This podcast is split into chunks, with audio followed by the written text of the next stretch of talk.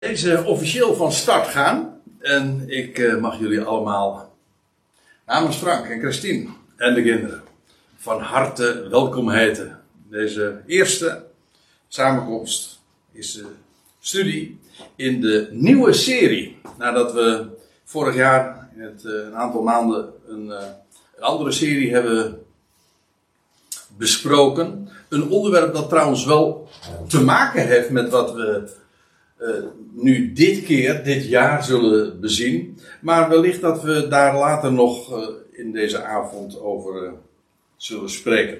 Ik stel voor dat we eerst deze avond zullen opdragen aan onze Hemelse Vader. Machtige God en Vader, we willen u heel hartelijk dank zeggen voor het feit dat we hier in alle rust bij elkaar kunnen komen. Dat we in de gelegenheid zijn om samen te zijn rondom uw woord. En dat is het enige wat uiteindelijk er echt toe doet. Dat wat u gesproken hebt, dat wat u hebt laten vastleggen. Levende, krachtige woorden, werkelijk licht, waarheid, leven. En dat we daarop werkelijk mogen kunnen bouwen. En dat we in dat woord onze ogen worden opgeheven naar die ene grote God die alles in zijn machtige vaderhand heeft en een geweldig plan heeft waar niets en niemand buiten valt. We danken u, Vader, dat we in vertrouwen ook deze avond zo bij u mogen neerleggen. Help ons in het luisteren, in het spreken. Geef ons het licht van uw woord. Doe ons uw woord verstaan, zoals de schriften zichzelf uitleggen.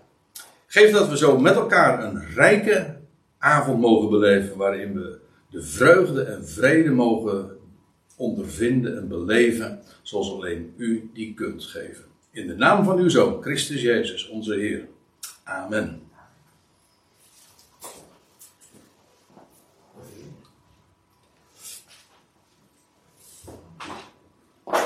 Overigens, ook degenen die nu via de livestream meekijken, die wil ik bij deze ook van harte welkom heten in deze bijeenkomst hier ten huize van uh, de familie Veenstra hier in Nunspeet. Goed. Het thema. Deze maanden, een viertal keren, is dus wat u hier geprojecteerd ziet: de ene God. En vanavond bijten we de spits af en zullen we het hebben over één God, de Vader. En misschien is het wel even goed om dan een overzicht te geven van wat we de komende avonden zo zullen bespreken, hoe ik het onderwerp heb ingedeeld. Vanavond dus één God, de Vader. En dan over een maand, drie maand, willen we nadenken over het woord dat vlees werd. Zoals we dat beschreven vinden in Johannes 1. En dan in 7, op 7 april, iedere keer de eerste donderdag van de maand, tenminste tot dusver, 7 april, over de Zoon van God. En dan 12 mei, dat is trouwens niet de eerste donderdag van de maand, maar de tweede. Omdat een week eerder is het 5 mei. En dat is weer niet zo'n geschikte datum om uh, een avond als deze te organiseren. Vandaar dat het een week verplaatst is. En dan gaan we het hebben over de geest van de Allerhoogste. U ziet het, al deze onderwerpen hebben iets te maken met wie de ene God is. En laat ik een aantal opmerkingen daarbij vooraf maken. En dat is nou niet omdat we het vanavond en deze avonden over dit onderwerp hebben en dat ik het uh, ophemel uh, en zeg van dit is het belangrijkste onderwerp. En, want ja, dat kun je natuurlijk altijd wel op een of andere manier verdedigen. Maar dit keer kan ik echt zeggen. Dit is volgens de schrift zelf. En ik ga straks ook echt de bolletjes daarvoor overleggen.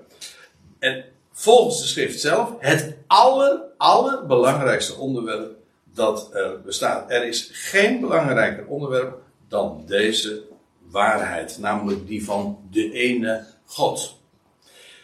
En dat sluit heel erg sterk aan bij ja, de Joodse wortels van de schrift. U weet, de woorden Gods. Uh, Paulus zegt in Romeinen 3, stelt hij de retorische vraag min of meer van, uh, ja, wat is het voorrecht van de Joden? Dan zegt hij toch in de eerste plaats dit, dat aan hen de woorden Gods zijn toevertrouwd. En als er één ding is dat in het Jodendom altijd is onderkend, tot op de dag van vandaag, en dat is dat er geen waarheid is die zo belangrijk is als dat van de ene God. En ik heb hier een plaatje van een, uh, van een Joodse schrijver. Uh, de man leeft niet meer. Pinchas Lapid. Ik heb een heleboel boeken van hem uh, in mijn kast staan. En een, Joods geleerde, ook een Nieuwtestamenticus. Een orthodoxe Jood was hij. opmerkelijk trouwens dat hij, ja, hij heeft geweldige boeken geschreven. En hij is een buitengewoon scherpzinnig schrijver en denker. Maar een van die boeken die hij bijvoorbeeld heeft geschreven, is, oh, is, dat gaat over de opstanding van Jezus Christus. En daarin betoogt hij dat hij er niet onderuit kan als je de historische bewijzen uh, zo allemaal onder ogen ziet, zoals het Nieuwe Testament die overleeft, overlevert. Dat is dat Jezus Christus inderdaad opgestaan is uit de doden. Dat hij zegt dat maakt hem voor mij nog niet tot de Messias van Israël. Maar dat hij is opgestaan uit de doden, ja, dat kan niet missen. Heel, een heel opmerkelijk uh, geluid. Hij heeft ook een boek geschreven, dat heb ik ook. De plaatje komt niet helemaal goed hier uit de verf, maar dat is uh, dit boek. De Heer, uw God, is één. En dat heeft als ondertitel Joods monotheïsme en de christelijke leer van de drie-eenheid. En daarin gaat hij, Pinchas Lapide, uh, in gesprek met uh, Jurgen Moltmann. Die man is trouwens nog niet zo gek lang geleden en ook een bekend theoloog, christelijk theoloog, is overleden. En zij gaan in gesprek met elkaar over ja, de Joden die zeggen er is één God en die geloven dus niet in de drie-eenheid. En hoe, hoe verhoudt zich dat dan met die christelijke leer van de drie-eenheid? Buitengewoon een interessant boek. Ik heb, ik heb er zelfs twee exemplaren van. Maar ontdekte ik laatst. uh, maar goed. Ja, nee, dat zeg ik nou niet om een handeltje te beginnen hoor. uh, want uh, ik vind het, het is een, een boek wat mij erg dierbaar is. Eigenlijk, opmerkelijk genoeg, heb ik vooral veel geleerd van Lapide en niet van die Moltman. ja, eigenaardig. Maar in ieder geval, waarom haal ik dat nu hier even aan? Hij zegt, men zou dat is dus wat Lapide zegt. Men zou de eenheid van God, dus het feit dat God één is, het enige dogma van Israël kunnen noemen. U weet, weliswaar kent het Jodendom vele leefregels, maar dogma's eh, in de zin van leerstellingen hebben ze niet. En daarom zegt Lapide ook, als we er één hebben, dan is dat dit, deze. Namelijk, er is één God. Trouwens, daar is de titel van dit boek ook aan ontleend. Daar gaan we straks naartoe, naar waar deze tekst te vinden is. De Heer, uw God, is één. Nou, in deze studie draait het allemaal om uh, ja, vragen rond de ene God. En dan wel deze vragen willen we dan onder ogen zien. Dus deze avond bedoel ik.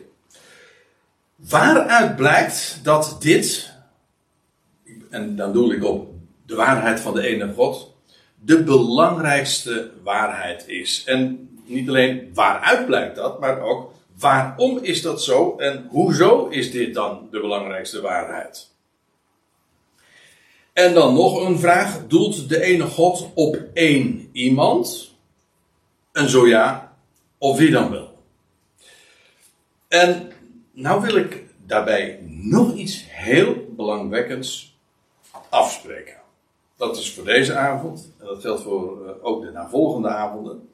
En dat is dat we uitsluitend, dat wil zeggen exclusief, ons bezighouden met bijbelse woorden, bijbelse begrippen. En dat is de afspraak die ik op voorhand maak. Ik ga dus niet uit van theologie. En dat, dat is trouwens ook een van de lijnen die, uh, die ook de vorige keren in de vorige serie ook heel uitdrukkelijk is afgesproken. Dat wil zeggen, we gaan niet uit van wat hebben eh, allerlei grote kerkvaders of theologen gezegd over dit onderwerp. Nee, dat kwam wel aan de orde, maar dan omgekeerd. Niet wat hebben oh, belangrijke theologen of kerkvaders over dit Bijbels onderwerp gezegd, maar wat, is, wat zegt de Bijbel over uh, wat deze mannen of deze mensen of deze beleidenissen of concilies of whatever hebben naar voren gebracht. Dus ja, wat eikt nou wat? De norm is de schrift. Dat zou, ja, dat zou u niet uh, mogen verbazen. Ik bedoel, de slotverrekening, het is God die in zijn woord uh, spreekt, de schriften. En dat is de norm, dat is waar we ons op baseren. En dat betekent dus allerlei begrippen die in verband met dit onderwerp altijd weer in de christelijke wereld traditioneel, historisch gewoon, gedurende, ja, niet alleen maar uh, eeuwen, ik, zeg, ik durf wel, zelfs te zeggen, gedurende duizenden jaren, eigenlijk al vanaf uh, Nicea, en, en, uh, en dan praat ik dus over ergens de tweede, derde, vierde eeuw, allemaal geklonken hebben en in, ja, in marmer zijn gebeiteld, zeg maar, in beleidenissen zijn opgetekend. eh, begrippen als de drie-eenheid. En, uh, of wat dacht u van een frase als één wezen, drie personen? Zo wordt drie-eenheid altijd uitgelegd. Als je zegt van hoezo drie-eenheid, waar slaat drie op? Nou, dat zijn drie personen, Vader, Zoon en Heilige Geest. En die eenheid slaat dan op het feit dat het God één wezen is. In de praktijk blijkt altijd dat als je daarover doorvraagt, dat dat erg onduidelijk is. Wat is het verschil tussen een wezen en een persoon? En daar komt niet, en vandaar ook dat men, eh, omdat men dit niet kan uitleggen, zegt men het is een mysterie. Maar eh, laat ik u dit zeggen. Uh, als we het hebben, als, het, als de afspraak is, we gaan het uitsluitend hebben over bijbelse begrippen, bijbelse woorden. Ja, dan vallen deze begrippen, hoe grote rol ze ook mogen spelen in de christelijke wereld van oudsher, vallen buiten de boot. Waarom? Wel, ze komen niet voor in de Bijbel. En dat is geen bewering van mij, zomaar. Dus iedereen kan dat checken. Pak een concordantie. Zo, u vindt dat nergens terug.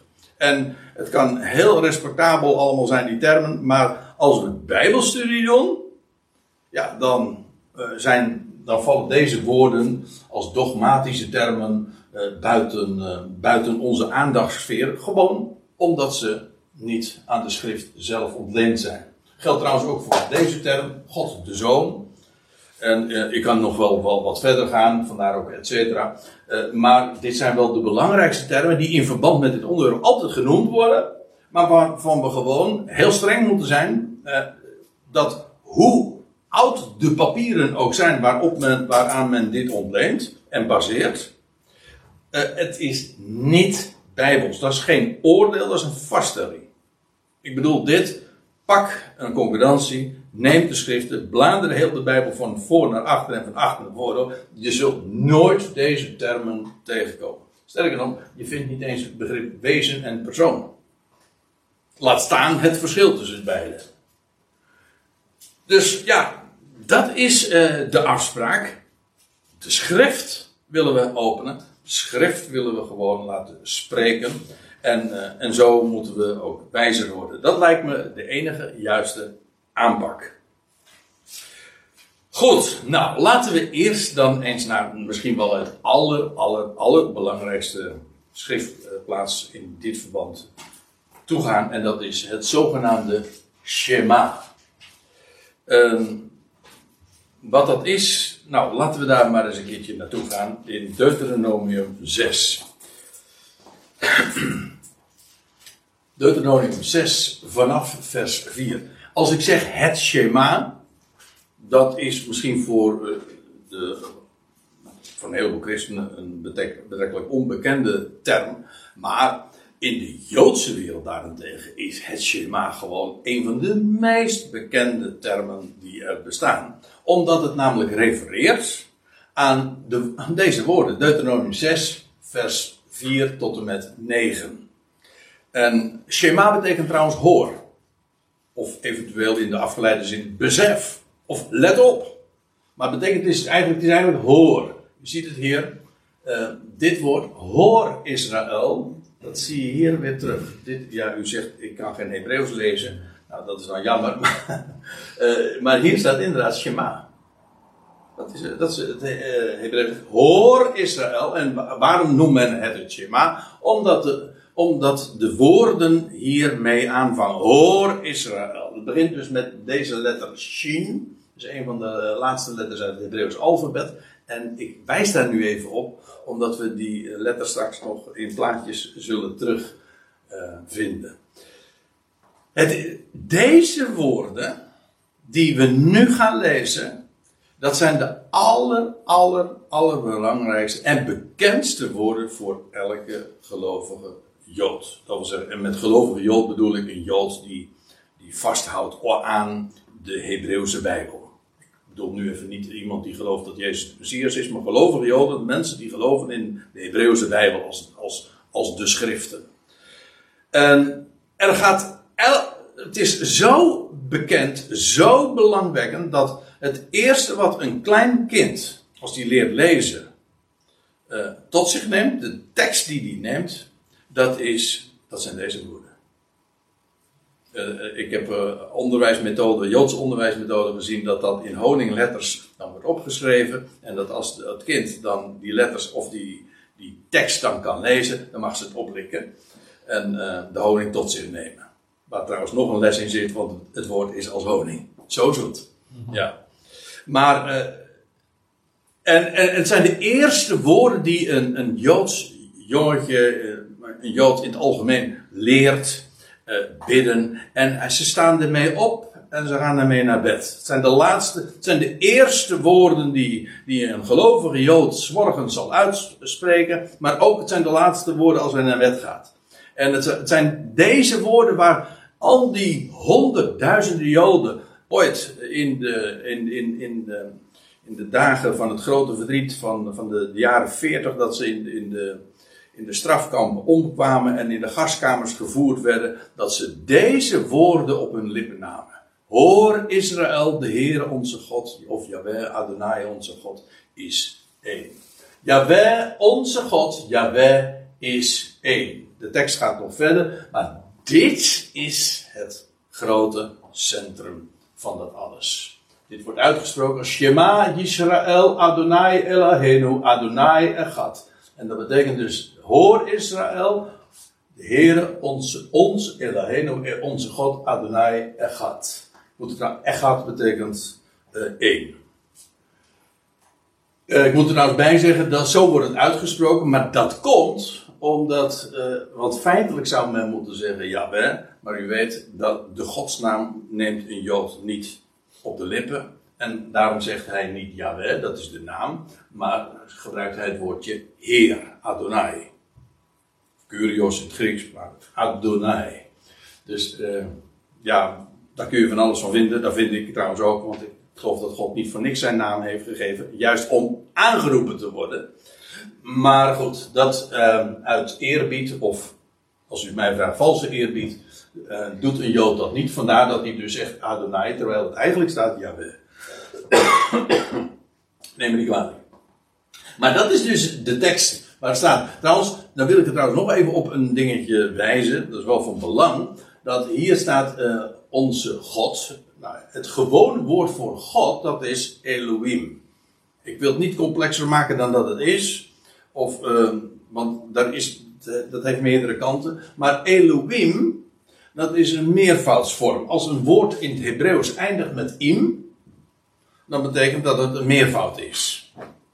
En dus eigenlijk, Elohim is, betekent goden.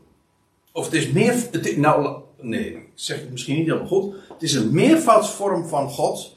En als inderdaad er sprake is van goden, dan staat er ook Elohim. Dus eh, hoe dan ook, onmiskenbaar, de grammaticale vorm geeft aan, het is een meervoudsvorm. Maar dat is dan wel weer eigenaardig, want uh, het God in het algemeen, Elohim, is een meervoudsvorm, maar het wordt altijd enkelvoudig vervoegd. U zegt, uh, sorry, dat gaat mij boven mijn bed, of ik heb, uh, ik, ik, mijn, taalkundige wortels zijn niet zo diep. Uh, die, die gaan niet zo diep. Nou, dan zou ik u dit zeggen. Uh, kijk, enkelvoudig vervolgd bedoel. Kijk, als er staat Elohim schiep. Uh, de, dat zou, je zou zeggen van als het een meervoudsvorm is. dan zou het moeten zijn Elohim schiepen. Of Elohim zeiden. Nee, zo staat het er nooit. Dus het is altijd Elohim schiep, of Elohim zei, of Elohim deed, of nou ja, enzovoorts. Altijd, het wordt dus enkelvoud vervoegd. Het mag dan, en het idee daarbij is, het, God zelf is een meervoudig begrip. Het heeft vele kanten. Hij wordt ook op velelei wijze gekend. Dus het begrip, of het begrip, het woord God is zo veelzijdig, maar we hebben het over één iemand. Vandaar dat het dus is Elohim schiep en Elohim zei, et cetera, et cetera. Ik zeg dit er even bij, omdat sommige mensen uit het, die meervoudsvorm de conclusie hebben getrokken dat er dus eigenlijk meerdere goden zouden zijn. Maar dat is niet waar. Maar dat uh, wordt uh, in de loop van, de, uh, van deze avond vanzelf nog wel duidelijk, denk ik. In ieder geval, Deuteronomie, het Shema, die tekst. Eh, is, uh, dat begint met hoor, is, hoor Israël, Jaweh onze God, Jaweh is één. En dat kan trouwens ook uh, zowel betekenen van hij is één, integer, integraal. Ah, dat wil zeggen, niets in hem spreekt elkaar tegen. Er is geen conflict, geen verdeeldheid. Hij is werkelijk, zoals wij dat ook van iemand een persoonlijkheid zeggen, uit één stuk. Wat hij zegt, dat doet hij. En hij is niet uh, uh, ja, verdeeld of gespleten. Hè? Zo spreken wij dan over een, een, persoonlijkheid die gespleten. Nee, hij is één. Maar ook betekent ook, er is er maar één. Hij is enig. In de zin van uniek. De tekst gaat verder met, en die woorden kent u uh, ongetwijfeld.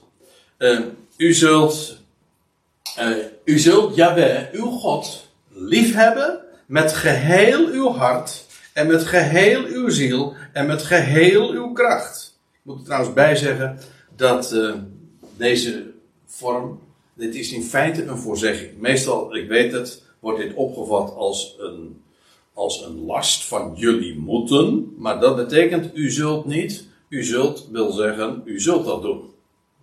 Zoals tegen Abraham gezegd wordt, u zult een vader van vele volkeren zijn. Dat betekent niet, je moet een vader van vele volkeren zijn. Nee, je zult. Dat is een belofte. Dat is een aanzegging. Een profetie, zo u wilt. En in feite is dat hier ook. Dus niet, uh, u zult de Heer, oh Jaweh, uw God liefhebben van, waarom moet dat? Nou, daar staat niet dat het moet. Het, er wordt gewoon voorzegd dat het zal gebeuren. En eigenlijk zou dan de vraag moeten zijn, wanneer dan wel? Wanneer zal dat vervuld worden? Nou, daar kan ik u ook wel verklappen, dat is onder het nieuwe verbod. Maar daar, gaat het nu even niet om. Hier wordt het gewoon aangezegd en voorzegd. U zult Jaweh, uw God, liefhebben. Hoe? Nou, met geheel uw hart. Met geheel uw ziel. Het hart is de binnenkant en de ziel is eigenlijk, uh, ja, niet in onze beleving, maar in de Bijbel toch echt wel, uh, is in feite een heel. Hè? Een mens is een ziel. Hij heeft niet zozeer een ziel, hij is een ziel. Sommige mensen zeggen van hij is ook heel zielig. Dat is misschien ook wel waar, maar zo bedoel ik het niet. Uh, de, uh, trouwens, ik moet erbij zeggen, de eerste wezens die in uh, die dieren, die zielen worden genoemd, dat is niet de mens, maar dat zijn dieren. Dat de, dat de wateren wemelen van levende zielen, staat er. Ja, u weet, in onze vertaling staat levende wezens. maar het zijn gewoon levende zielen. En ook de mens werd een levende ziel. Enfin, geheel uw ziel, met geheel uw kracht. Dat is heel mooi trouwens. Uw, de, de, uw, letterlijk uw intensiteit. Dat wil zeggen, met alles wat in je is. Dus in. Met heel je wezen, met al je, met al je kracht. En dan staat erbij, en deze woorden die ik u vandaag instrueer, die zullen op uw hart zijn. Dus is, uh, hij wijkt misschien wat af van de vertaling die u nu voor u hebt. Maar dit is vooral een hele letterlijke weergave gebaseerd op deze woord voor woord vertaling, de interlineair zoals dat heet.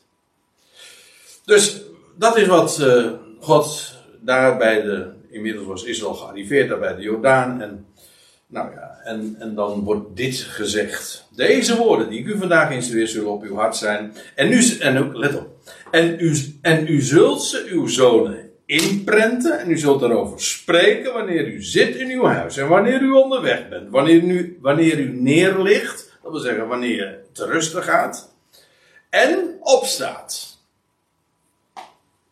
Dus deze woorden, vandaar ook dat dit zo centraal staat in heel het Joodse, uh, gelovige Joodse leven, het Israëlitische leven moet ik eigenlijk zeggen.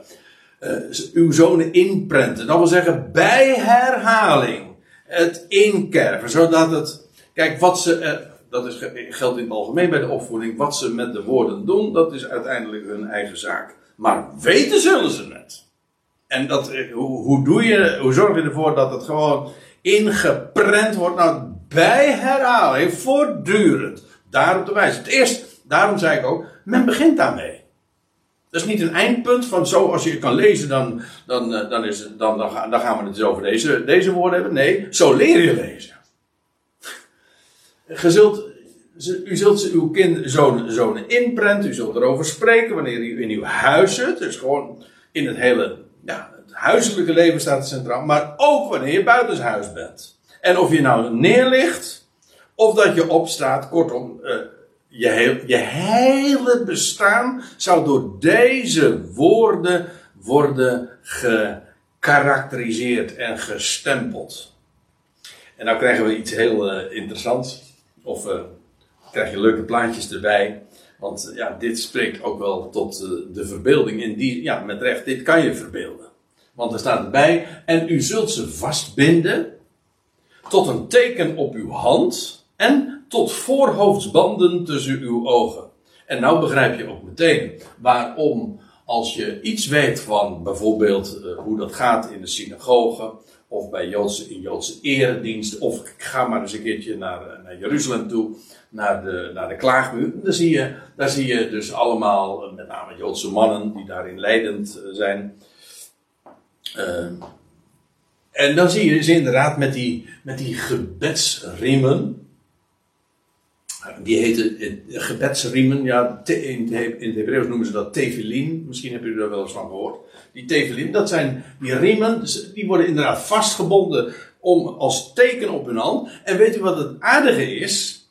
Wat, hoezo een teken op uw hand? Daar staan die woorden namelijk ingegraveerd waar we het over hebben. Het Shema van Israël staat daar, is, in een, is op een rol geschreven. En dat wordt dan vervolgens gebonden in zo'n blokje. Ja, ook deze, dit fotootje zie je niet zo heel erg goed, zie ik. Ja, ik zie het op mijn scherm wel, maar u op dit scherm weer niet. Uh, hier staat weer zo'n shin. Hmm. De shin, de shin namelijk van de Shema dat is schema. Dus hier, hier zit zo'n rol, een rol in, een stukje, een stukje papier of perkament of whatever. Maar in ieder geval, uh, de tekst staat daarop geschreven van het schema. Dus dan is dat een teken op uw hand.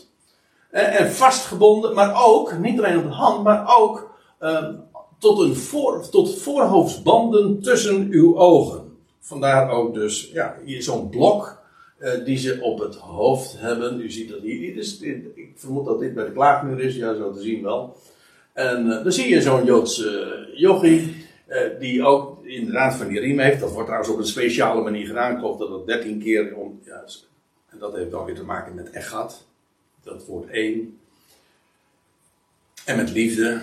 Dat is ook 13. Nou ja, in ieder geval, de, ah, het is doortrokken van symboliek. Dat is maar niet zo'n kwestie van, nou, we draaien dat een paar keer om de arm en dan zit dat wel vast op de Nee, nee, nee, dat moet op een speciale manier gebeuren. En dan ook nog niet uh, links, uh, en uh, links draaien en rechts draaien. Ja, echt, ja, echt, alles heeft betekenis. U zegt van, ja, maar dat hebben ze er later bij bedacht.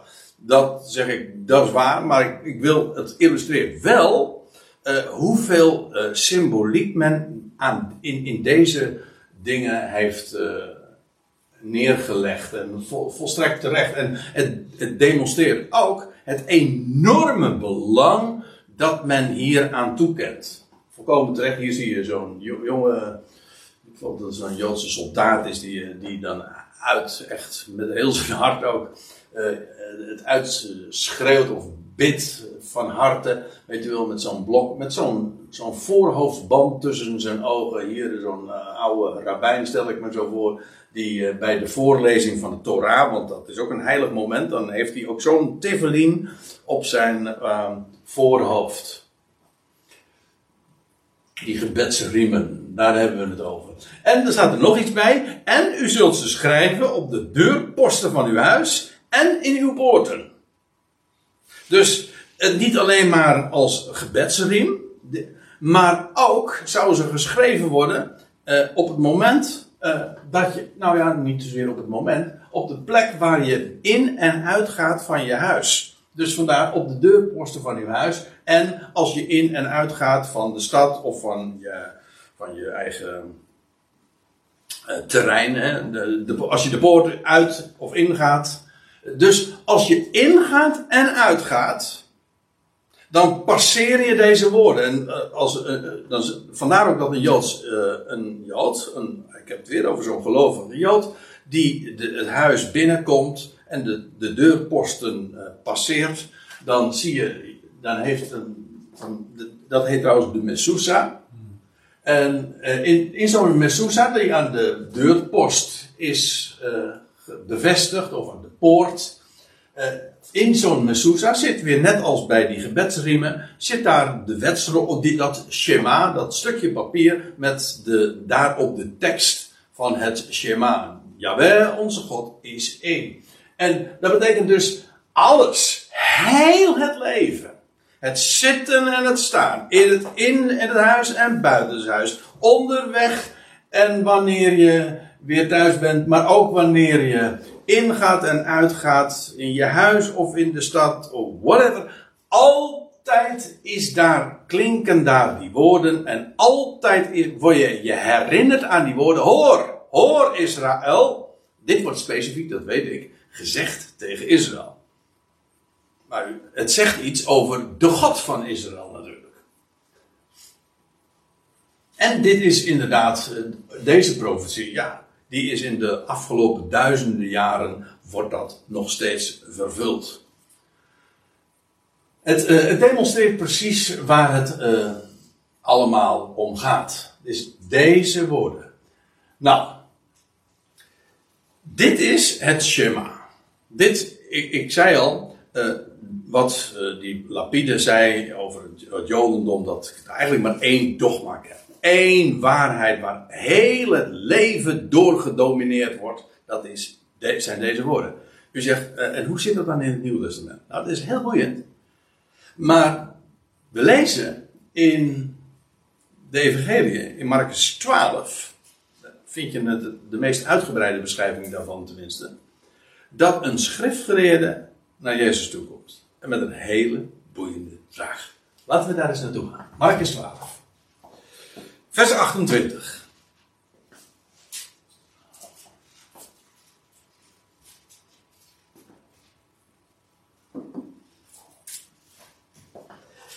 En een van de schriftgeleerden, die naderde, hoorde hen, dat is Jezus met andere schriftgeleerden, hoorde hen discussiëren en nam waar, en nam waar dat hij, het gaat hier over de Heer Jezus, hen juist antwoorden. Dus hij, hij, voelt zich bij het gezelschap en hij eh, ondervindt en zegt van wat Jezus zei, dat was volstrekt juist. Hij als schriftgeleerde wist waar hij het over had.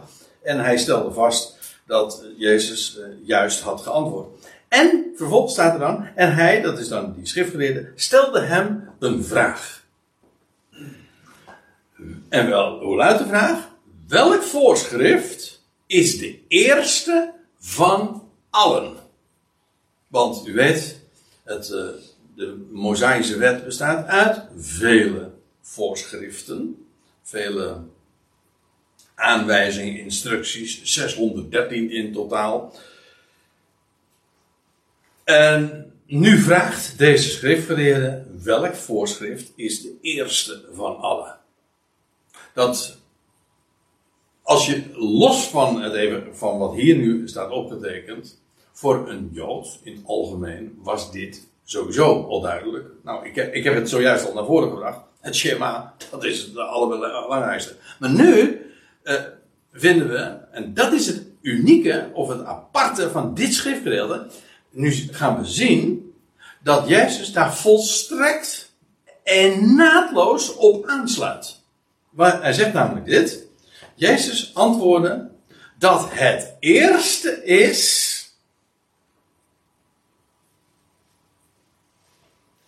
Hoor Israël, de Heer onze God, de Heer is één.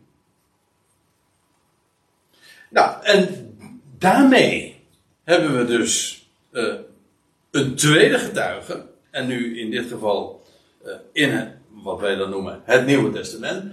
Het getuigenis van Jezus zelf sluit in deze dus volkomen naadloos aan bij wat in het Jodendom bekend is. En Jezus bevestigt dit woord, het Shema, is het eerste van alle. Hoor Israël, de Heer onze God, de Heer is één. En, dan, en, hij gaat verder met het citeren van Deuteronomie 6, want er staat, en je zult de Heer je God liefhebben. Vanuit heel je hart, vanuit heel je ziel, vanuit heel je verstand en vanuit heel je kracht. Ja, die God is namelijk één, uniek. Hij is de God van alles. En dus is de meest gepaste reactie, aangezien die ene God alles, eh, de bron is van alles. En uh, en alles tot uh, aanzijn heeft geroepen. Ja, wie, om wie anders zou het dan in, überhaupt in de wereld gaan, in het leven gaan, dan om hem alleen. En vandaar ook met heel je hart, vanuit heel je ziel, met heel je verstand, vanuit heel je kracht. In feite, al het andere is in het licht van dit volstrekt onbelangrijk. U hoort wat ik zeg. Hè? Ik zeg niet dat alles dus onbelangrijk is. Ik zeg in het licht van dit. Uh, schring, uh, of uh, hoe zeg je dat? Shrinks, dat was Engels. krimpt alles in één tot iets, iets heel arbitrairs of banaals. Of ja, als onbetekenend. Dit is maar alle één ding. Eén ding en ook het eerste. En de heer Jezus voegt er trouwens nog iets aan toe. En dat is een citaat uit, een, uit de Leviticus. En het tweede is dit. En je zult je naaste lief hebben als jezelf. Een ander voorschrift, groter dan deze, is er niet. Nou, vandaar ook dat dit een perfect antwoord is op de vraag van deze schriftgeleerde. Want hij die vroeg, wat is, welk voorschrift is de eerste van allen? Nou, eh, nu zegt de heer Jezus, uh, hij geeft antwoord. Kort en bondig. Maar volstrekt helder. En ook bijbels. Gewoon, hij baseert zich gewoon op dat wat er staat geschreven. En hij zegt, ja, dat, uh, iets belangrijker dan dat. Is iets groter dan deze. Is er niet. En vandaar dat dit dus de eerste van alle voorschriften is. Waarmee ik dus in feite uh, ja, antwoord heb gegeven op de vraag. En vanuit het Oude Testament en vanuit het Nieuwe Testament waarom de waarheid van de ene God inderdaad alle andere waarheden in de schaduw stelt. Dit is het eerste. En iets groter dan dit is er niet. Punt. Nou gaan we nog even verder in ditzelfde schriftgedeelte, want nou moeten ze opletten wat dan de reactie is van die schriftgeleerden.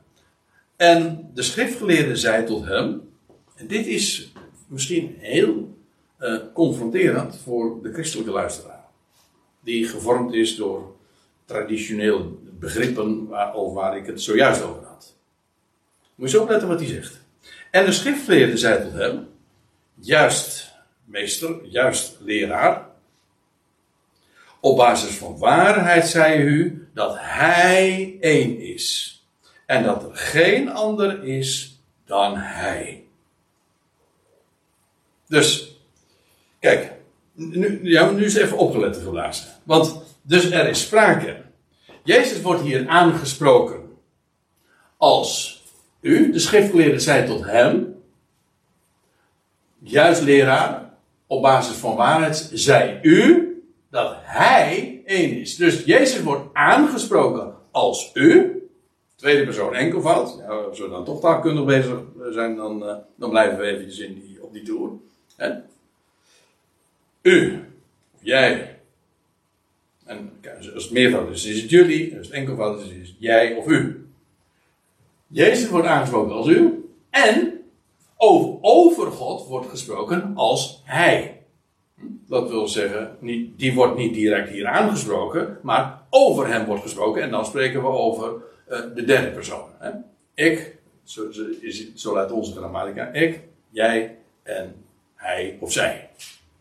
Dat is een enkelvoud. Je kan ook nog een meervoud hebben. En dat de Hebreeuwse grammatica precies omgekeerd is, dat is ook waar, maar daar ga ik het nu niet even over. Het gaat me nu even om het punt. Hier is sprake van die schriftgeleerde die tegen Jezus zegt van, u zei inderdaad dat hij één is. En dat er geen ander is dan hij. Ziet u dat hier een verschil gemaakt wordt, heel uitdrukkelijk, tussen aan de ene kant de ene God en de Heer Jezus, die hier aangesproken wordt. De Heer Jezus is hier niet uh, die ene God. Nee, die spreekt over die ene God. Dus ja, ik, ik heb de neiging om te, uh, om te denken dat als ik dit nu nog meer uit ga leggen, dat ik het alleen maar onduidelijker maak. Dit is namelijk gewoon zo duidelijk en simpel. En uh, goed om te verstaan. Dus die schrijver zei, ja, het is, het, is, uh, het is volstrekt correct wat u zegt. Inderdaad. Want uh, het is naar waarheid dat hij één is en dat er geen ander is dan hij. Dat betekent dus inderdaad dat hij één is, enig, uniek. En dan lees je even verder, ik sla één vers over. En Jezus, waarnemend dat hij verstandig antwoordde. Dus Jezus stemt helemaal in met wat die schriftgeleerden dus vervolgens ook weer antwoorden. Dus aan de ene kant die schriftgeleerde bevestigt wat Jezus zei. Maar Jezus bevestigt nu ook wat de schriftgeleerde zei. Hij, zegt van, hij, hij, nam waar, hij stelde vast dat, uh, dat hij verstandig uh, reageerde, antwoordde. En dan zei dat je bent niet ver weg van Gods koningschap. En niemand durfde hem meer een vraag te stellen. Want, en dat, was, dat zie je heel vaak, de Heer sprak als gezaghebbend. Niet, en gezaghebbend wil niet zeggen autoritair in de zin van, van jij moet uh, uh, naar mij luisteren of zo, dat is autoritair. Gezaghebbend wil zeggen niet dat je gezag claimt, je hebt gezag. Je hebt wat te zeggen. En dat wat je zegt is onweerlegbaar. Dat is, dan heb je gezag. Zijn woord had gezag. Ons woord gezegd, gezag komt trouwens ook van zeggen. iemand die gezag heeft, heeft wat te zeggen. Het is een heel groot verschil tussen, uh, uh, tussen spreken en wat zeggen. Je kunt heel veel spreken, maar niks zeggen. Omgekeerd kan trouwens ook. maar uh, dit is het. Zijn woord was, had gezag. Niemand durfde hem nog iets te vragen, laat staan hem een strikvader. Want dat wat Jezus zei was naar waarheid. Het was onweerlegbaar.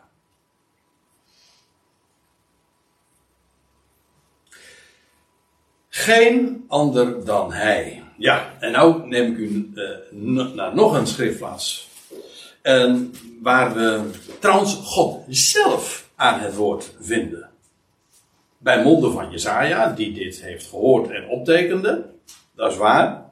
Maar hier, is, hier wordt God zelf sprekend ingevoerd. Jezaja 45, een geweldige passage. Trouwens, uh, Jezaja uh, kent vele van passages die van deze orde zo majestueus. Juist ook omdat Jezaja zo getuigt van de godheid van God. Dat God werkelijk God is. Uh, hier, uh, dit is zo'n prachtig voorbeeld. Ik ben Yahweh. Waaruit dus blijkt dat niet Jezaja het woord is. Jezaja tekent dit slechts op. Ik ben Yahweh. Let op. Ik ben Yahweh. Dus het gaat over één iemand. Niet wij zijn Yahweh. Dus als je even uit nog gaat van, die, van dat idee van. Ja, het zijn eigenlijk goden. Nee, nou, dan moet er staan wij. Trouwens, we zagen het net trouwens ook al. Hoe, en dat hij één is. Ziet u? En dat er geen ander is dan hij, niet dan zij. stel je voor dat God meerdere personen zou zijn, dan zou het zij zijn. Nee, hij. één iemand. En hier zie je dat ook weer. En ik, ik, ik ben Yahweh. Er is geen ander. Behalve mij is er geen God. Waarmee dus inderdaad gezegd dat is dat hij uniek is.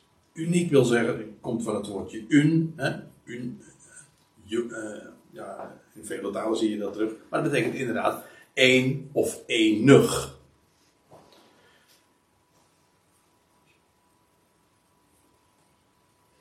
Ja, en dit is trouwens is een goed moment om op iets anders nog te wijzen. En dat is dit. Dat als we zeggen, of als de schrift stelt, dat er één God is, dan is dat maar niet een, een ja, hoe zou ik dat nou zeggen, een kwantitatieve kwestie of een numeriek eh, ding. Weet je wel, ja, uh, er, zijn, er waren tien mensen, of er waren acht mensen, of er waren twaalf mensen. Ja, uh, dat zijn, dat, zijn, dat zijn allemaal relatieve verschillen. Maar als er het verschil tussen één God en twee of meer goden, dat is maar niet een kwantitatief verschil, maar een kwalitatief verschil. En wat ik daarmee bedoel is dit te zeggen. Slechts één kan God in de absolute zin zijn. Kijk, stel je voor dat er twee goden zouden zijn, of drie, of meerdere, want dan maakt het niet meer uit. Ja, dan is die ene God uh, niet, nooit absoluut. Want ja, wat de ene God dan besluit, dat zou de andere God weer kunnen door, dat zie je, dat is, dat is het grote probleem ook. Ik weet niet of u wel eens een keertje zich bezig gehouden hebt met bijvoorbeeld de Griekse mythologie, daar wat over gelezen. In het algemeen, in, eh, in het, dat heet het polytheïsme, dat wil zeggen het meergodendom. Dan heb je dus al, in feite, vele wereldreligies zijn polytheïstisch, hebben meerdere goden. En het probleem altijd in dat meergodendom is, is dat er altijd tijd en eeuwig strijd is. Conflict. Tussen de ene God en de andere God. In feite, dat maakt het ook wel weer boeiend, moet ik erbij zeggen. Want, uh, want uh, ja, die Griekse godenwereld, zoals dat allemaal ging met Zeus. En, nou ja, er was altijd conflict. En de een doodde de ander, de ene wilde, wilde zus. En, uh, nou ja, waarom? Ja, er zijn er vele. Ze waren weliswaar allemaal hoog, vandaar ook een godheid. Ja, maar er waren er meer. En dus kon de een door, door, uh, door kruisen, of hoe zeg je dat? Uh, tegenstaan, of. Uh, weerstaan wat de andere God zei. En vandaar ook dat twee goden, bij, wanneer, zelfs als er maar twee goden, dat, dat is een, aardig voorbeeld. In Perzië uh, had uh, de Persische godsdienst in van oudsher, dat is trouwens ook ergens in de dagen van Jezaja, was uh, Zoroaster, en die, daar, en daar waren, was sprake van twee goden. God van het goede, van het goede en van het kwade. Daar komen we straks nog even op terug. God van het goede en van het kwade. U zegt, hé, hey, dat komt mij bekend voor. Ja, er zijn er ook die eh, dat in, binnen de christelijke wereld ook zo zeggen. En dat er altijd een conflict tussen die twee zou zijn. Maar dat is ook logisch. Slechts één God is absoluut. Dus ik laat ik het anders zeggen. Het is nog korter uh, samengevat. Er is of één God, of er is geen God. Als God werkelijk God is, dan kan er maar één zijn. Die almachtig is en alles weet. Slechts bij één God kan almachtig zijn.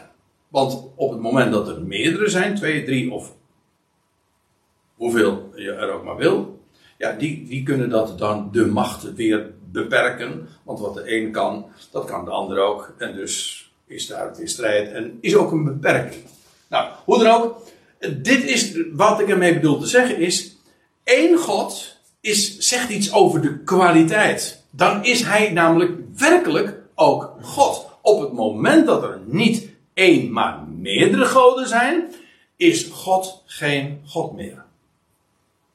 Dus het is of één God, of er is geen God. Met allemaal hoofdletters dan, hè? Dat bedoel ik.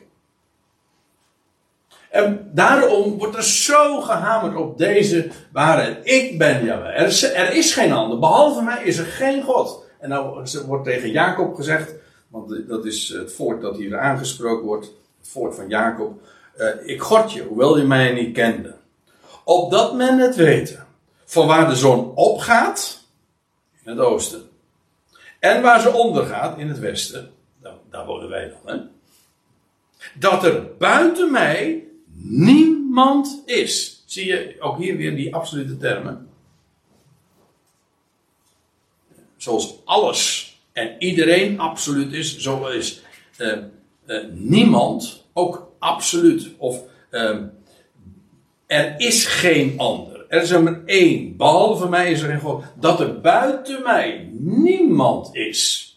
Zodat zijn voornemen, zijn macht en zijn vermogen door niemand ongedaan kan, kan worden. Als er buiten hem ook nog een andere God zou zijn, zou dat, zou dat allemaal maar in het luchtledige hangen. Zou het allemaal betrekkelijk zijn. Ja, dat kan hij nou wel willen. Uh, maar ja, uh, er, zijn er, nog, er zijn er nog meer die iets te zeggen hebben. Nee, zegt hij. Helemaal niet. Van waar de zon opgaat tot waar ze ondergaat. Ik weet niet eens of ik goed nu wijs. Maar in ieder geval, u begrijpt wat ik bedoel. Het staat in ieder geval tegenover elkaar. Er is er maar één. En die is God en er is geen ander. We zullen straks ook nog zien, er zijn inderdaad goden, maar ja, in menigte zelfs, ja. Maar voor ons is er maar één God. Als het er nou echt om gaat, en ik ben Jahweh en niemand meer. En er staat er nog bij, ja, die is ook mooi hoor. Vers 7. Jezaja 45 vers 7. Deze versen zou je ook uh, eigenlijk op, op een. Uh, op, op een tegeltje, ja, op een tegeltje, maar ook of op een perk, op een stukje papier en dan je deurposten en zo. Nou, weet je wel, dit zijn woorden die, die, die resoneren zo in je hart. Want dan zeg je, ja, dit is de God van de schriften. Dit is de God van, eh, van Israël, dit is de God van Jacob, dit is de God van, van de Bijbel. Dit is de God die inderdaad God is. De ene. Hij is de formeerder van het licht. En die ook, dus, en, en schepper van de duisternis. Ja, hij, vorm, hij zegt er is licht en dan is er licht. Maar hij is, hij is ook degene die duisternis schept. Weet je hoe hij dat doet? Door het licht uit te doen, ja. Ja, dan schep je duisternis. Duisternis is uh, misschien een beetje filosofisch, maar duisternis is niks duisternis wil zeggen, er is geen licht. Dat is trouwens, het geldt voor kou ook. Kou is ook, uh, kou is niks. Kou is gewoon ontbreken van warmte. Warmte is positief. En dat geldt trouwens voor duisternis. Duisternis is namelijk niks. Als er niks is, is het duister. Maar een, oh, en God riep, licht in het duister. Ja. Hij is de formeerder van het licht, maar ook de schepper van de duisternis. Die vrede maakt of die het heil bewerkt, zegt um, de MBG-vertaling, die heil bewerkt, maar letterlijk staat die shalom, dat is vrede, welzijn, die de vrede maakt, shalom, maakt, maar let op, en kwaad schept. Ik heb over dit vers, oh, daar is al zoveel strijd geleverd. Daar, want mensen willen daar niet aan, hè. Dat kan niet. God, de auteur van het kwade. En, maar ze, men realiseert zich niet wie ze tegenspreken. God zelf is hier aan het woord. Ik, Jaweh, doe al deze dingen. En vrede maakt hij.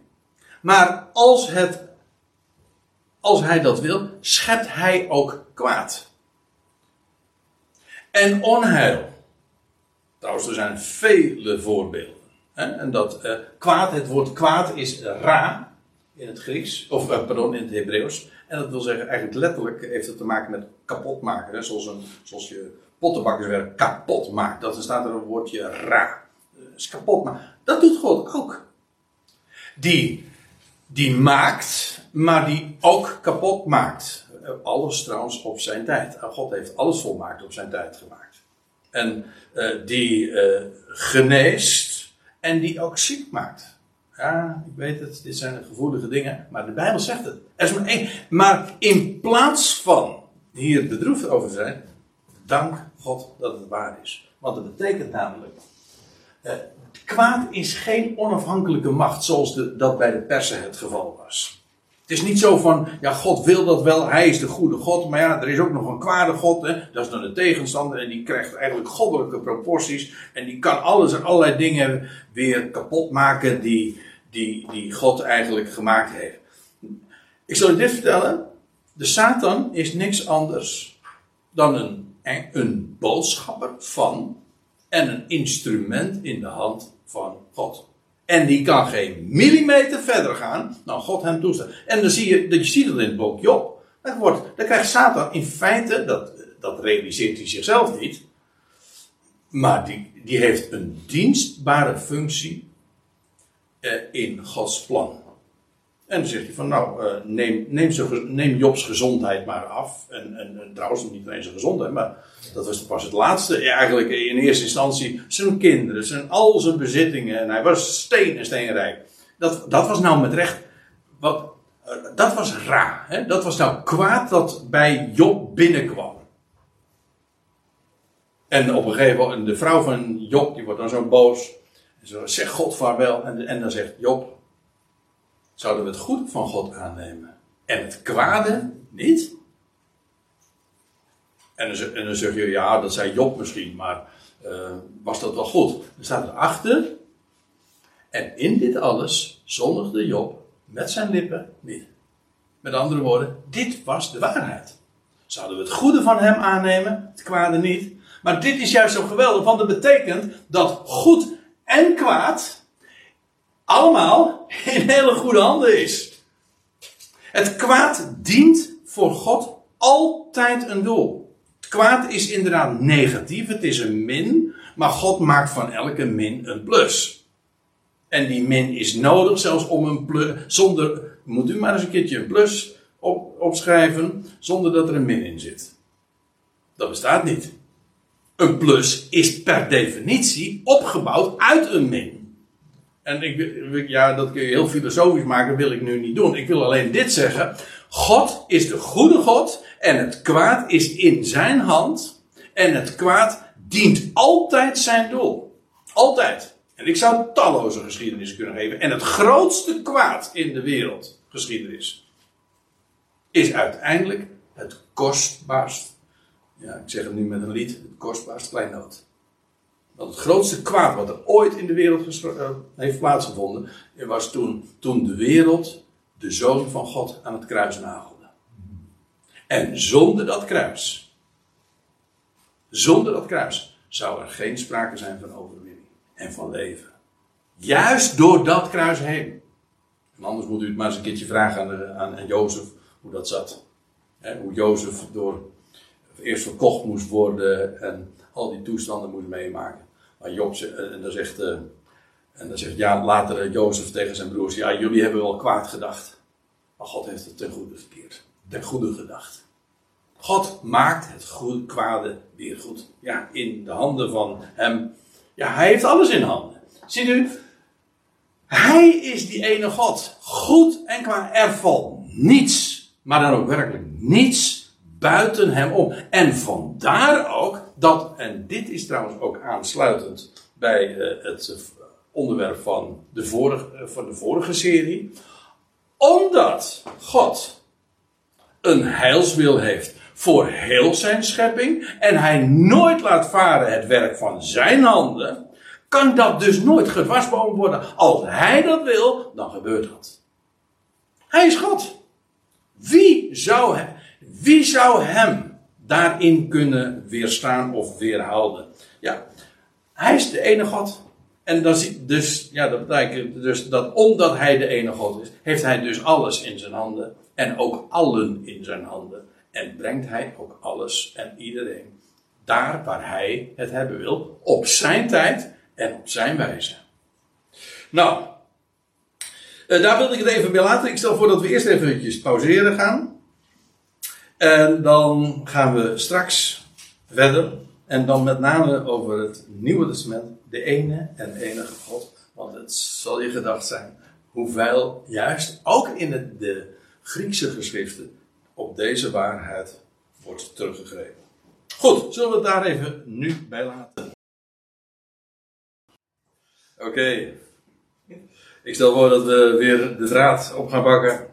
Nadat we eventjes uh, gepauzeerd hebben.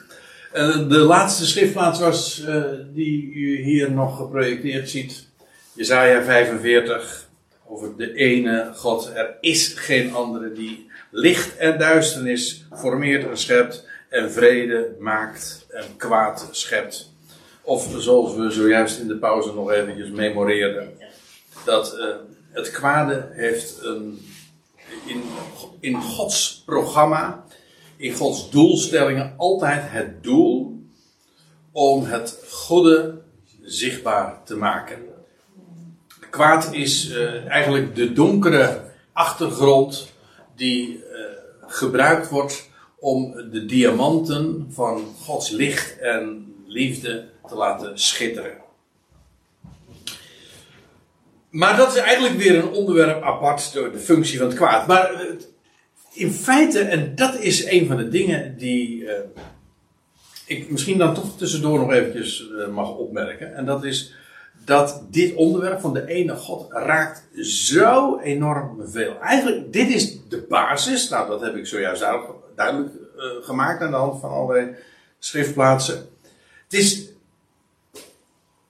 de meest primaire waarheid, maar ook de basis van alles. Zie je dit, dan zie je eigenlijk alles. Dat klinkt overdreven. Als je weet dat er één God is, dan begrijp je ook de functie van het kwaad. Dat is, niet, dat is geen godheid aan zich. Nee, dat is een instrument in de hand van God. Dan zie je ook zijn universele heilswil. Dat als er één God is, ja, dan kan het niet anders dan dat wat hij wil ook daadwerkelijk plaatsvindt. Want er is geen andere God dan hij. Nou, kortom, de, de meest elementaire, maar ook meest filosofische vragen, die worden hier beantwoord. Er, er is een God die werkelijk God is. Waarom is hij werkelijk God die alles in zijn hand heeft en die almachtig is? Wel, omdat er maar één is. Daarom. Dus uh, ik hoop dat, uh, dat daarmee ook wel duidelijk gemaakt is, zo in de loop van, van, deze, van deze studie, dat dit maar niet een, een kwantitatieve kwestie is. Dit is fundamenteel voor het verstaan van de schrift. Oké, nou, we gaan nog naar wat andere schriftplaatsen. De ene en enige God. Ik heb een aantal uh, schriftplaatsen in dat verband, vooral uit het Nieuwe Testament. Nee, uitsluitend uit het Nieuwe Testament moet ik zeggen. Um, die daarover gaan. En nu gaan we eerst naar Johannes 17. Die is heel boeiend. Want daarin vinden we opnieuw weer bevestigd wat we zojuist al zagen. Namelijk dat ook voor de rabbi uit Nazareth, zoals Joden hem graag noemen. Of uh, anders gezegd, voor, uh, voor de zoon van God. Trouwens, dat is nog weer een apart thema onder deze onder deze paraplu van de ene God, de Zoon van God, de derde avond. Maar hoe hij sprak over zijn God. Nou, en dan zijn we nu in Johannes 17 aangekomen. Dat is in onze Bijbel staat daar meestal boven het hoge priestelijk gebed. Daar is wat voor te zeggen, maar uh, dat is in ieder geval uitgesproken vlak voordat de heer Jezus de, verraden zou worden en, uh, in de nacht dat hij overgeleverd werd. En dan lees je dan in dit, vers 1 van Johannes 17. Deze ding sprak Jezus en hij hief zijn ogen tot in de hemel. Dat is uh, eigenlijk de houding en wij sluiten onze ogen. Uh, maar hij hief zijn ogen naar de hemel. van waar zal mijn hulp komen? Hè? Maar hoe dan ook. En hij zei: Vader, het uur is gekomen. Maar hij spreekt hier inderdaad zijn vader aan. Vader, het uur is gekomen, Abba. En dan lees je, en ik sla nu even die tweede vers over, en dan komen we in vers 3. En dan staat er dit. Dit nu is het eeuwige leven. En dit is, dit klinkt wat, ik heb dat uh, bij een voorgaande gelegenheid al een keertje uitgelegd. Dit is niet omdat ik stotter, maar dat is om duidelijk te maken dat eeuwig leven te maken heeft met eeuw. Ik had ook, eigenlijk staat er in het Grieks zoiets als het Ionische leven. Maar ik geef toe dat het wat uh, vreemd klinkt. Dus het maakt mij niet zoveel uit als je maar weet waar het over gaat. Namelijk het leven van de Ion. Het eeuwige leven wil trouwens niet zeggen dat er geen eind aan komt. Want zoals we zojuist al eventjes zeiden. Uh, dat is niet wat, uh, wat eeuwig betekent. Eeuwig heeft te maken met de eeuw. En dat kan heel lang duren, daar niet van. Maar het heeft een begin en het heeft een einde. Afijn, het gaat hier trouwens over het leven van de toekomende eeuw. En in de toekomende eeuw, in de toekomende aion, voor het gemak de duizend jaren straks, zal iedereen God kennen. Nou, let nu op wat de Heer Jezus zegt. Dit nu is het eeuwige leven, het leven van de toekomende eeuw. Opdat zij u kennen, u, namelijk, wie spreekt hij aan? Zijn vader. Opdat zij u, vader, zouden kennen, de enige waarachtige God. En Jezus Christus, die u gezonden hebt, of letterlijk die u afvaardigt. Moet u opletten. Net in dit uur dat hij overgeleverd wordt, dat hij zijn ogen opheft en zijn vader aanspreekt en hij zegt van, dat leven van die toekomende eeuw, wat is dat? Nou, dat is dat zij u zullen kennen. Vader. Wie, wie bent u dan, vader? Wel, de enige waarachtige God. Dat is precies ook wat, er, uh, wat het, de toekomende eeuw zal kenmerken. Namelijk dat, je leest in de, eh, ook in Jezaja trouwens, dat de, dat de kennis van Yahweh de wereld zal bedekken zoals de zeeën de zeebodem bedekken. Dat wil zeggen, de aarde zal vol zijn van de kennis van Hem.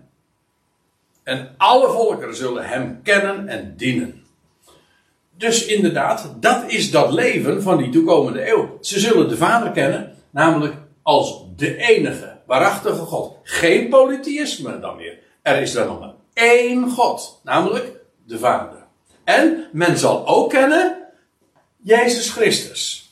Jezus, Yeshua, de Christus, de beloofde Mashiach of Messias, zo u wilt, die de enige waarachtige God heeft afgevaardigd. Ziet u hoe, de, hoe ja, simpel, simpel betekent trouwens ook hè, eenvoudig. Deze waarheid van de ene God, dat is, je, er, je kan daar natuurlijk eindeloos over doordenken en en over spreken. En als je zit en op je opstaat, als je weggaat, altijd kun je er hierover spreken, want je raakt er niet over uitgedacht. Zo groot als het is. En tegelijkertijd, het is zo simpel. Een kind kan begrijpen, het is maar één God. Simpeler dan dat kan het niet. Eenvoudig.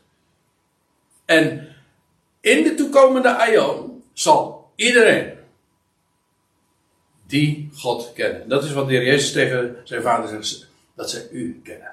U. Wie is, die, wie is die u? Dat is vader. Dat is de enige waarachtige God. Een andere dan hij is er niet. Zit u ook, ook nu in. Ja, in de pauze hadden we het er al even over. Ik wil dit, dit onderwerp positief uiteenzetten. Gewoon vanuit wat de schrift zegt. Maar ik hoop ook dat u zult zien hoe dit contrasteert, conflicteert met wat ons altijd is bijgebracht. Voor allerlei doctrines en hoe het zou zitten. Maar dat hoef ik eigenlijk niet te bespreken.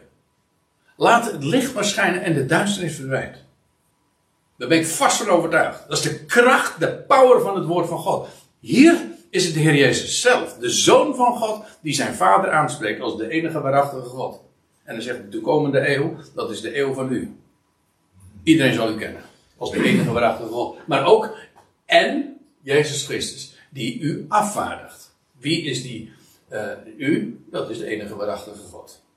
Ja, ook hier geldt weer. Uh, ja, is Jezus Christus de enige waarachtige God? Nee, Jezus Christus is, de, is degene, uh, is door de enige waarachtige God afgevaardigd.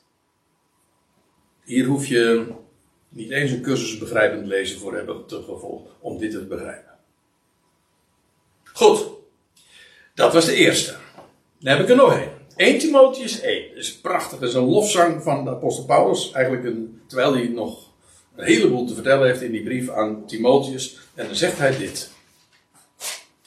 En dat sluit trouwens ook weer een beetje aan bij wat we de voorgaande keren hebben besproken. Toen hebben we het gehad over Ionen en zo. Hier komt die term opnieuw voor.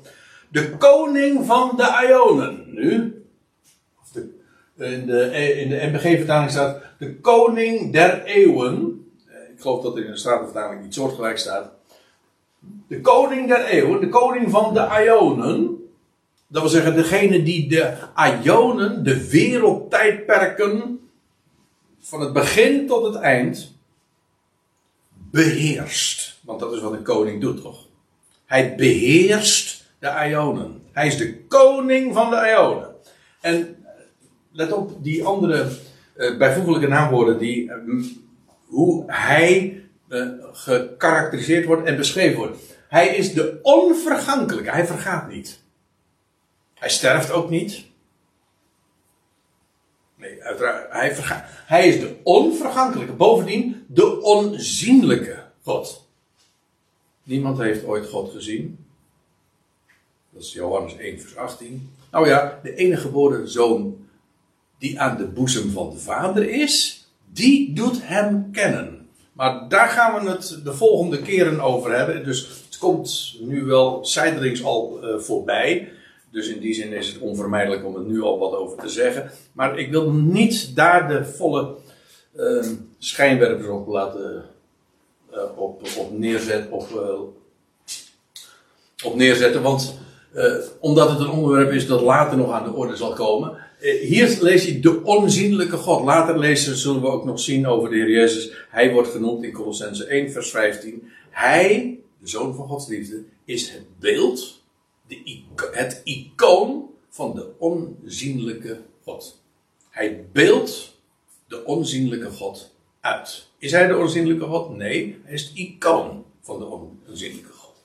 Maar hier gaat het dus over de koning van de Ionen, de onvergankelijke, onzienlijke enige God. En dan, dan, dan, dan krijg je de, de, de lofzang. Hem zij eer en heerlijkheid tot in de ionen van de ionen. Amen. Nou, dit is niet tot in alle eeuwigheid, zoals de MBG-vertaling zegt.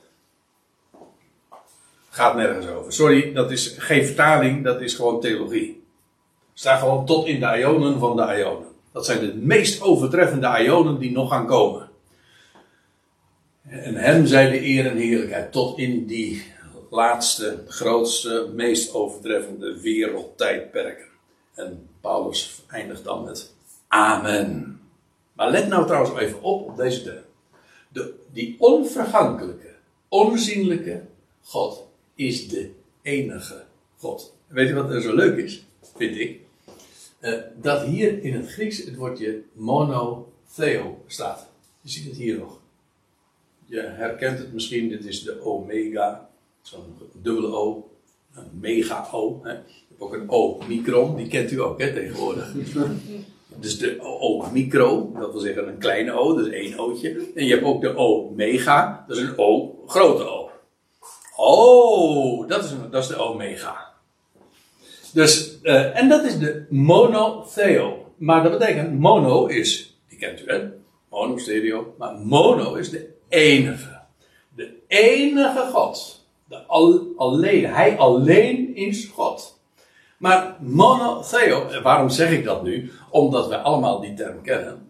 die daarvan afgeleid is, namelijk monotheïsme. Wij zijn, jazeker, mo wij zijn, ja goh, ik, ik, weet niet of ik namens u spreek, maar in ieder geval, dan laat ik het dan zo zeggen. Ik ben voluit een monotheïst. Ik geloof namelijk dat er maar één God is. De onzienlijke, de onvergankelijke, de koning van de Ionen. En de zoon van God is zijn icoon, zijn beeld. De enige God. Tegenover monotheo staat natuurlijk, uh, er polytheïsme. Poly betekent, dat is, betekent meer.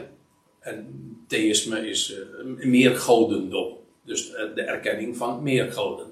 Wij zijn monotheïsten. En dat is, volgens, dat is de aardigheid van die term is, het is, je zou het niet zeggen, maar het is een bijbelse term.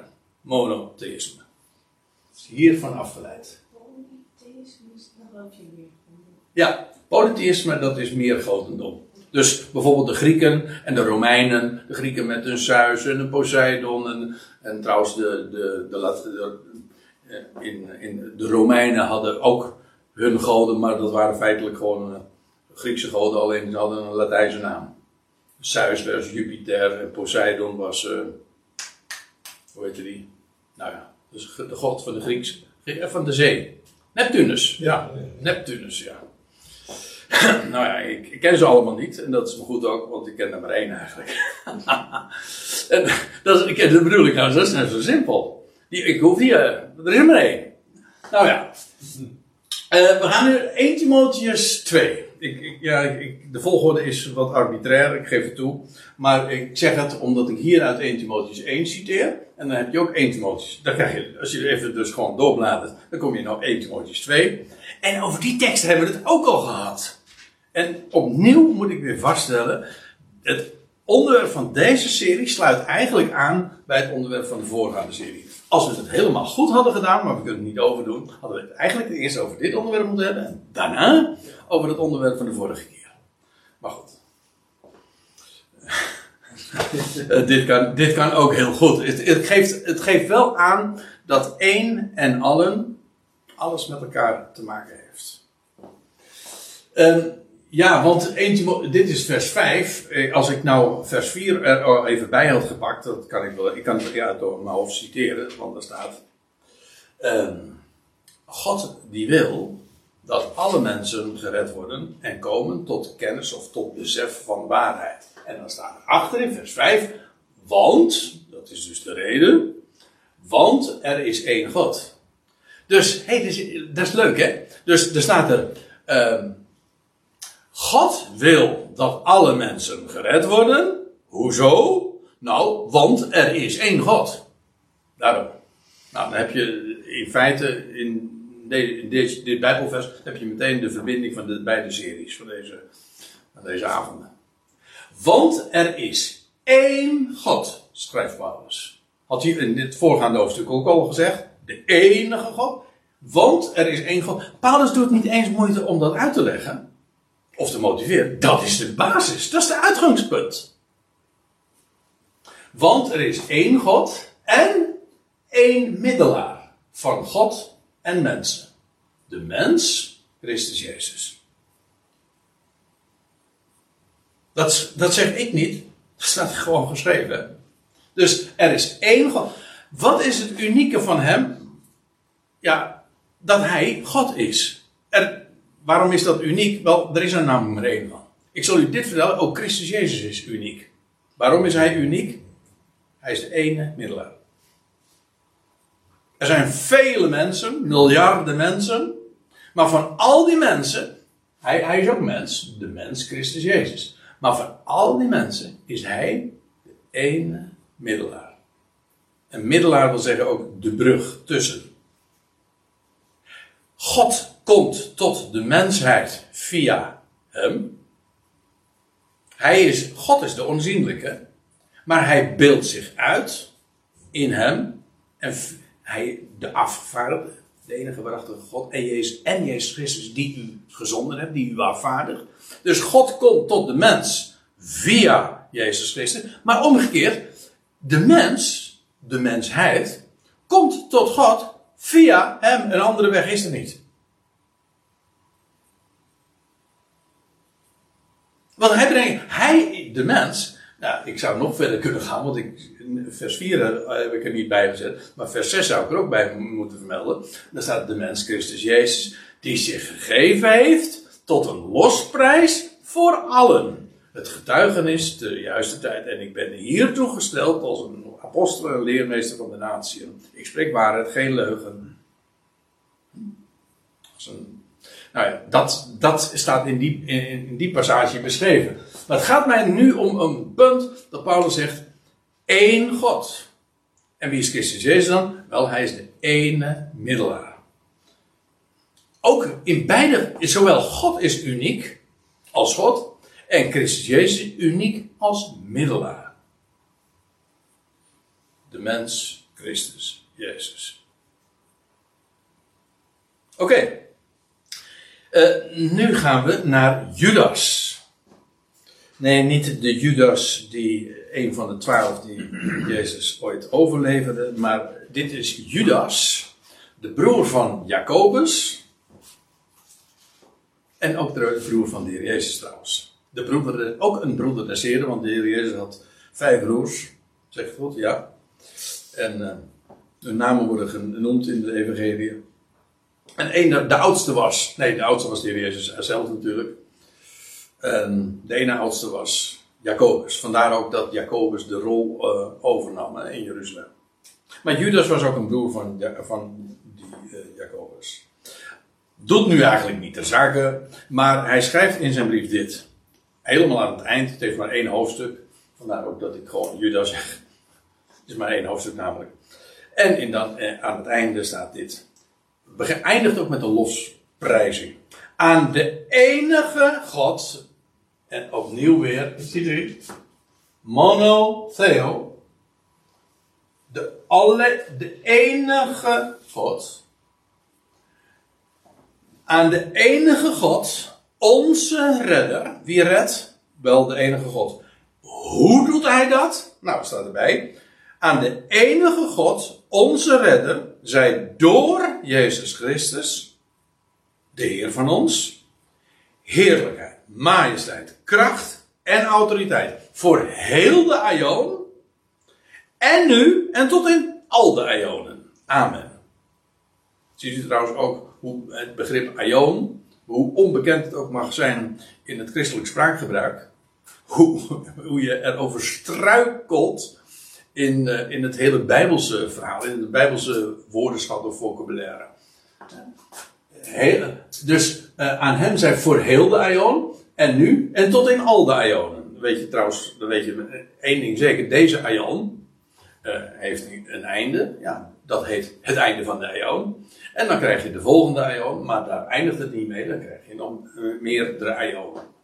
Kortom, want God heeft een plan van Ionen, van wereldtijdperken. Oké, uh, ja, dat zou zomaar een onderwerp zijn waar ik me in, nu weer in verlies, maar doe ik expres niet. Het gaat erom die enige God. Oh, want opnieuw krijg je weer dit onderscheid. Je hebt hier dus de enige God, onze redder. Die zij door Jezus Christus, onze Heer, de Heer van ons, heerlijkheid, majesteit, kracht en autoriteit. En zie je ook terug weer dat hij de middelaar is. Door en via hem is dat. Via Jezus Christus, onze Heer, is aan hem, de enige God, alle eer en uh, majesteit en kracht en autoriteit.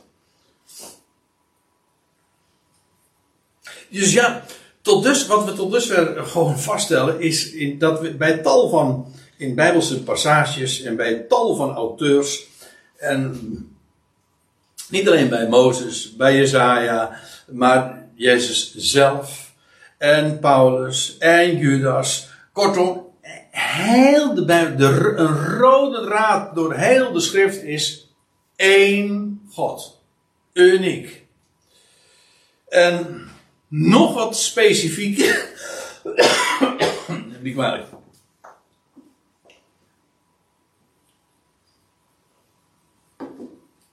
Eén God. Ja, het was al duidelijk. Eh, want ik heb dat eigenlijk in eh, verschillende passages nu ook al laten zien, maar waar ook heel specifiek sprake is van één God, de Vader. We gaan naar 1 Korinthe 8. Ik heb een tweetal passages in dat verband. En op dit, uh, of, of aan dit gedeelte heb ik al eerder gerefereerd. Toen ik het had over het polytheïsme, over het meergodendom. Nou, de, de context van dit gedeelte laat ik even voor wat het is. Het gaat namelijk over het eten van afgodenvlees en zo, waar sommige Corinthiërs moeite mee hadden. En omdat ze nog een gewoonte hadden van de afgoden. En dan staat er ook dit. Want ook al zijn er zogenaamde goden. Leuk hè? Zo worden ze, zo worden ze genoemd. Paulus, eh, dat doe je. Wanneer spreek je over zogenaamd?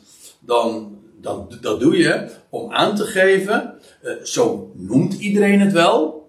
Het is het niet echt. Maar goed, eh, je, in feite door te zeggen zogenaamd sluit je je aan bij het, spraak, bij het gangbare spraakgebruik en neem je afstand door te zeggen zogenaamd. wij doen dan meestal dit, als je het uh, visualiseert. Zogenaamd. Niet echt, maar goed, vooruit.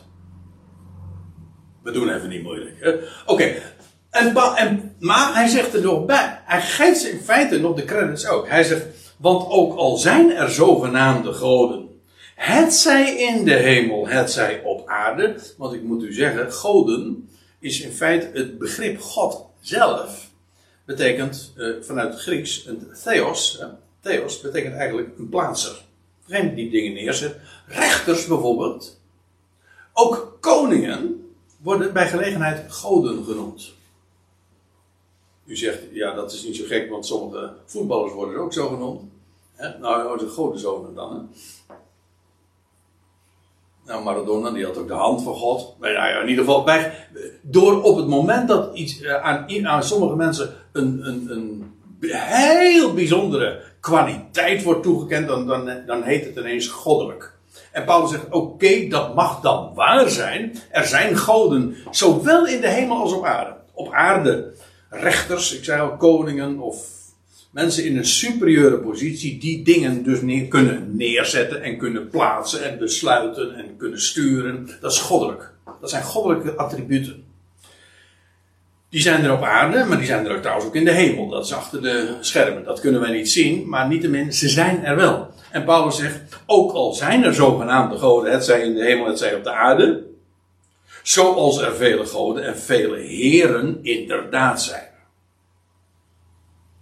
Een, je hebt goden en, en heren. Dat wil zeggen mensen die in die positie geplaatst zijn om dat uit te voeren. Dus Paulus zegt: oké, dat mag dan waar zijn. Maar let op. Want dit is inleiding. Ik moet het er even bij uh, vermelden. Dit is dus de uh, ware kant van het politisme. Inderdaad, er zijn goden. In menigte zelfs. Maar niet zomaar een in menigte. Akkoord. Dat mag zo zijn. Nou komt hij. Voor ons, nochtans. Wij rekenen op een heel andere manier. Voor ons, nochtans, is er één God, de Vader. Alsjeblieft, ja, ik, geef toe, de zin loopt door. Ik, daar ga ik het nog over hebben. Maar ik hou, even, ik hou hier even halt. Om even goed te laten invallen wat hier namelijk staat. Voor de wereld in het algemeen. Er zijn goden in menigte. In de hemel en op de aarde. Prima, akkoord. Maar zegt hij. Voor ons nogthans is er maar één God. Want een God in de absolute zin van het woord. Echt. De God die alles plaatst en, en beheerst ja, dat is er maar. Al die goden waar we nou, waarvan er vele zijn, of waarvan er een menigte is, ja, die goden hebben betrekkelijke macht. Ze kunnen misschien veel plaatsen, daarom noemen we ze ook God, maar niet alles. Een God in de absolute zin is degene die alles plaatst. In feite, al die goden, dit weer, hè, al die goden worden zelf namelijk ook weer geplaatst. Vandaar ook dat in de Bijbel, kijk maar eens in de psalmen. Psalm 80 is een hele beroemde. Psalm, nee, psalm 82, sorry. Daar staat, eh, daar wordt uh, gezegd van, hij is de God der goden. Vandaar ook dat hij dan genoemd wordt de Allerhoogste God. Er, zijn, er mogen dan vele goden, maar hij is de Allerhoogste. Degene namelijk die al die andere goden dirigeert en leidt en neerzet en plaatst. Dus in de relatieve zin zijn er vele goden, in menigte zelfs. Maar in de absolute zin, in, het echi, zeggen we dan, hè, voor het, dan is er maar één. Voor ons, wij tellen als je echt, Paulus zegt, als je echt telt, namelijk God in de absolute zin, die echt God is, is er maar één. En wie is dat dan? De Vader. Ja, ik weet het. Oh, weer met christelijke orde, want ik ben natuurlijk ook dogmatisch groot geworden. Ja, toch wel. Dat bedoel ik, niet, dat bedoel helemaal niet vervelend of, of negatief. Maar ja, ik, ik ken die formulering ook. Ja, één God, de Vader, Zoon en Heilige Geest. Nee, staat er niet. Voor ons nogthans is er één God, de Vader. Wie is die ene God? Dat is de Vader. Zoals de heer Jezus ook zei, dat ze u kennen, Vader, de enige waarachtige God. En Jezus Christus die u gezonden. Hier staat trouwens, voor ons nogthans is er één God, vanuit, vanuit wie het al is, het al, tapanta. Ja, hier, tapanta, het al, voor mij het heelal. Van, van, vanuit wie het al is en, en wij tot hem. En één Heer, Jezus Christus, door wie het al is en wij door hem. Ook daar komen we later in deze serie nog wel eh, over te spreken. Maar ik, ik kan niet anders dan eh, er even op attenderen hoe groot het verschil is. Kijk, er is één God, namelijk de Vader, vanuit wie alles is. Hij is de bron.